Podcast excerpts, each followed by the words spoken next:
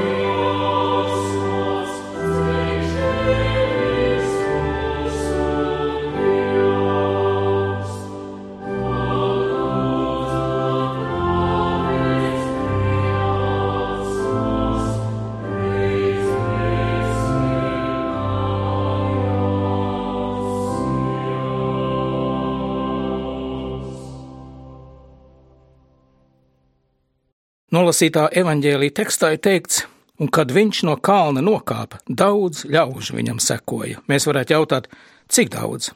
Evanģēlijā pāris vietās ir minēti skaitļi, cik cilvēku Jēzum sekoja. Vienā gadījumā ir runa par četriem tūkstošiem vīru vien, citā gadījumā par pieciem tūkstošiem vīru, neskaitot sievas. Cik ļaužu Jēzum sekoja brīdī, kad viņš nokāpa no kalna, evaņģēlijā minēts nav, bet kāds tūkstotis jau varētu būt bijis. Tas bija tūlīt pēc tam, kad Jēzus bija mācījis ļaudis kalnā netālu no Kapernaums. Šī viņa runa, ko Matejs pierakstījis, iegūs nosaukumu Kalnas prediķis. Evanģēlists Matejs raksta, ka ļaudis izbrīnījās par viņa mācību, jo viņš tos mācīja kā tāds, kam vara un ne kā viņu raksturmācītāji.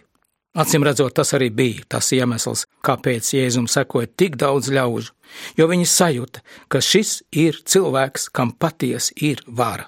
Viņš runā un savus vārdus arī apstiprina ar darbiem. Tādām personībām ļaudis seko.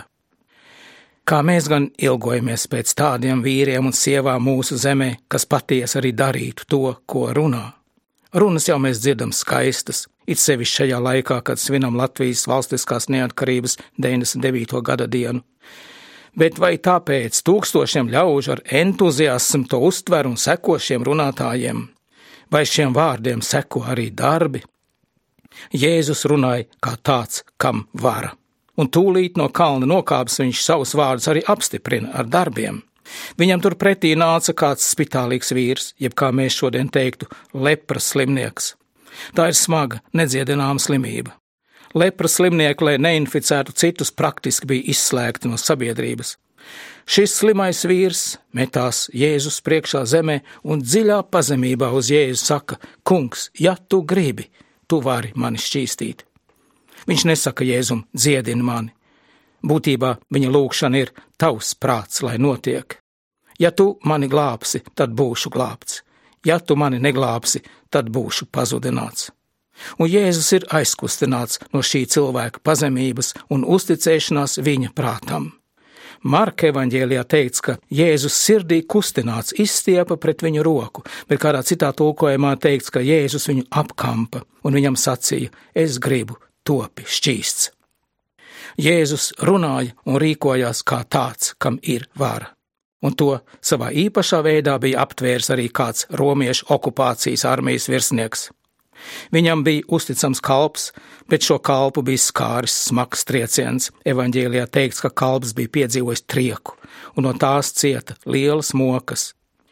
Jēzus ir gatavs iet līdz virsniekam un dziedināt triekas ķerto kalpu bet romiešu virsnieks saka, ka tas nemaz nav vajadzīgs, un viņš arī nav cienīgs, ka tāds vīrs kā Jēzus nāk viņa necelajā namā. Viņš ir sapratis, ka Jēzus nav parasts cilvēks.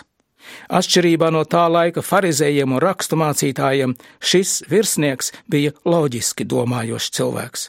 Viņš saprata, ka brīnumu darbus, kurus veids Jēzus, nav iespējams veikt cilvēkam, kam nav augstākas garīgas pilnvaras.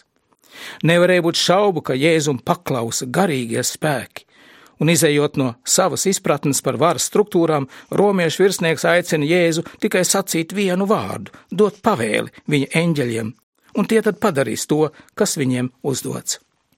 Jēzus ir pārsteigts par tādu sapratni un par tādu ticību, un viņš saka romiešu virsniekam, lai tev notiek, kā tu ticējis, un viņa kalps kļuva vesels tajā pašā brīdī.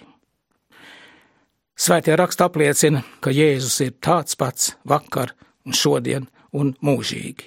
Jēzum nemaz nav jābūt fiziski klāt, lai arī mums palīdzētu mūsu grūtībās, mūsu problēmās. Viņam atliek tikai sacīt vienu vārdu, lai viss notiktu, ko mēs lūdzam. Ja vien mēs lūdzam tādā ticībā, kā šis romiešu virsnieks, ja viņu lūdzam garā un patiesībā.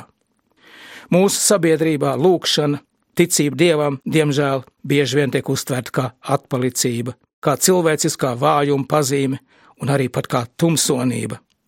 Dažkārt dzirdam, ka pie mums esot daudz sasniegts arī bez dieva palīdzības. Dažās nozarēs veiksme un saimnieciskā augšupēja esot sasniegta nevis lūdzot dievu, bet gan drosmīgi pieņemot pragmātiskus un arī politiskus lēmumus. Bet vai tiešām mēs varam lepoties ar sasniegto? Vai tiešām šie atsevišķie saimnieciskie panākumi ir spējuši nomierināt un iedvesmot tos tūkstošus, kas joprojām ikdienā cīnās ar materiālām grūtībām? Protams, ekonomiskās augšupējas augļi ienāks lēni un pamazām, bet problēma jau ir tā, ka tautā nav ticības, ka ekonomiskie rādītāji, ar kuriem tā patīk lepoties mūsu vadītājiem, kaut kādā mērā jūtami uzlabos viņu dzīves apstākļus. Tautā nav sajūta, ka kādam interesē vienkāršo ļaužu liktenis, ka būtu kāds, kam patiesi ir tāda vara radikāli šo attieksmi mainīt, ka būtu kāds politiķis, kas arī izpilda to, ko sola. Mēs domājam, ka vara ir prezidentam, premjerministram, ministriem, Daži domā, ka galvenā vara pieder oligarhiem vai kādām slepenām brālībām. Jēzus sarunā ar Pilātu atklāja, kam patiesībā pieder vara. Kā tas aprakstīts Jāņa evanģēlijā, Jēzus Pilātam, kas ir Romas impērijas sūtītais jūdejs prefekts, saka: Tev nebūtu nekādas varas pār mani, ja tas tev nebūtu dots no augšienes. Dieva rokās stāv tas, kam tiek piešķirta vara šeit virs zemes, un Dieva rokās stāv arī tas, kā šī vara var tikt izmantota tautai par svētību vai par postu. To bija sapratis romiešu virsnieks, kas nāca ar lūgumu pie Jēzus. Viņam nebija šaubu, ka bez Jēzus svētības viņa kalps neizdzīvos. Vienīgi Jēzus var atkal savest kārtībā to, kas samaitāts, to, kas sabrucis. Viņam vienīgajam ir tāda vara bet to nebija sapratuši tā laika varenie. Tā laika tautas vadītāji, farizēji un raksturmācītāji, un tā vien izskatās, ka arī šodien to nav sapratuši daudzi, kam uzticēts rūpēties par mūsu valsti, par mūsu tautas labklājību. 1918. gadā, kad tika pasludināta Latvijas neatkarība, tā atradās dziļā postā. Tam vēl klāt nāca bruņoti konflikti, kas vispārējo postu vēl vairāk padziļināja bet mūsu valsts un tautas vadītāji pūliņi vainagojas izciliem panākumiem. Latvija atzima un nepilnu 20 gadu laikā sasniedza tādu līmeni, ar kur tā varēja lepni stāvēt blakus citām pasaules valstīm. Šodien ir pagājuši 26 gadi kopš neatkarības atjaunošanas, un mēs joprojām esam viena no pēdējiem Eiropas nabagiem. Vai gribat zināt, kāpēc tas tā ir? Atbildi vienkārša. Vairumam, kas te tiek darīts, trūks dieva svētības, jo lēmumi tiek pieņemti bez lūkšanām, bieži vien blēdīgi un negodīgi, jo šķiet, ka tā var gūt ātrākus un lielākus panākumus.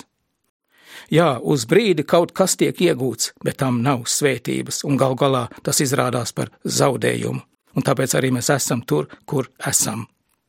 Bet Dievs var atjaunot to, kas samētāts, to, kas sabrucis. Ja mēs atskatāmies vēsturē, mūsu tautai grūtā brīdī aizvien ir palīdzējusi ticība.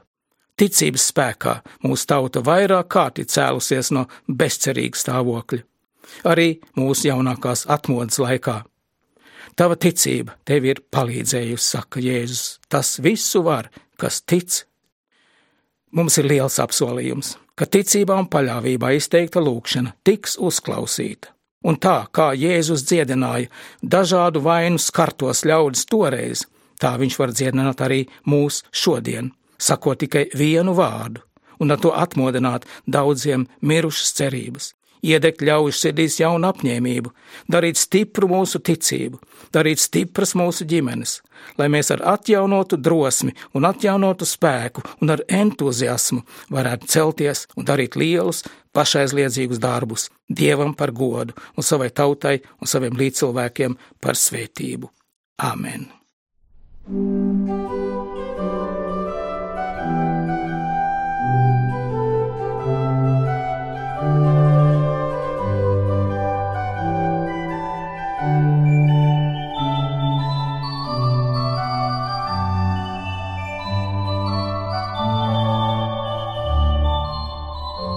lūksim.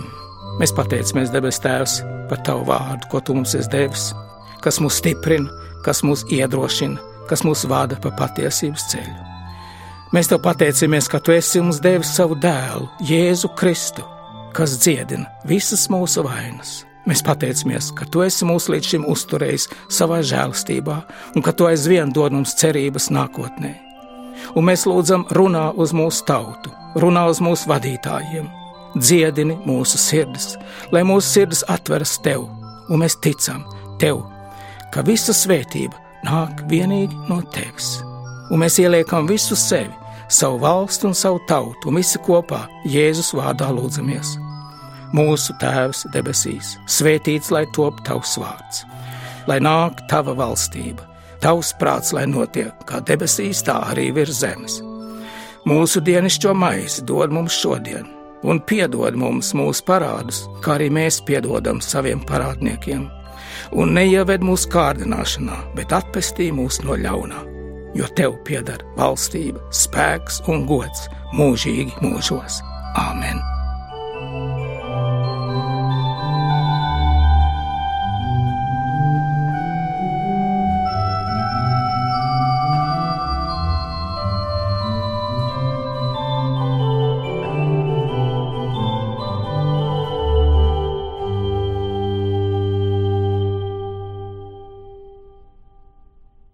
Svētrīt studijā ar jums kopā bija Pāvils Brūvers.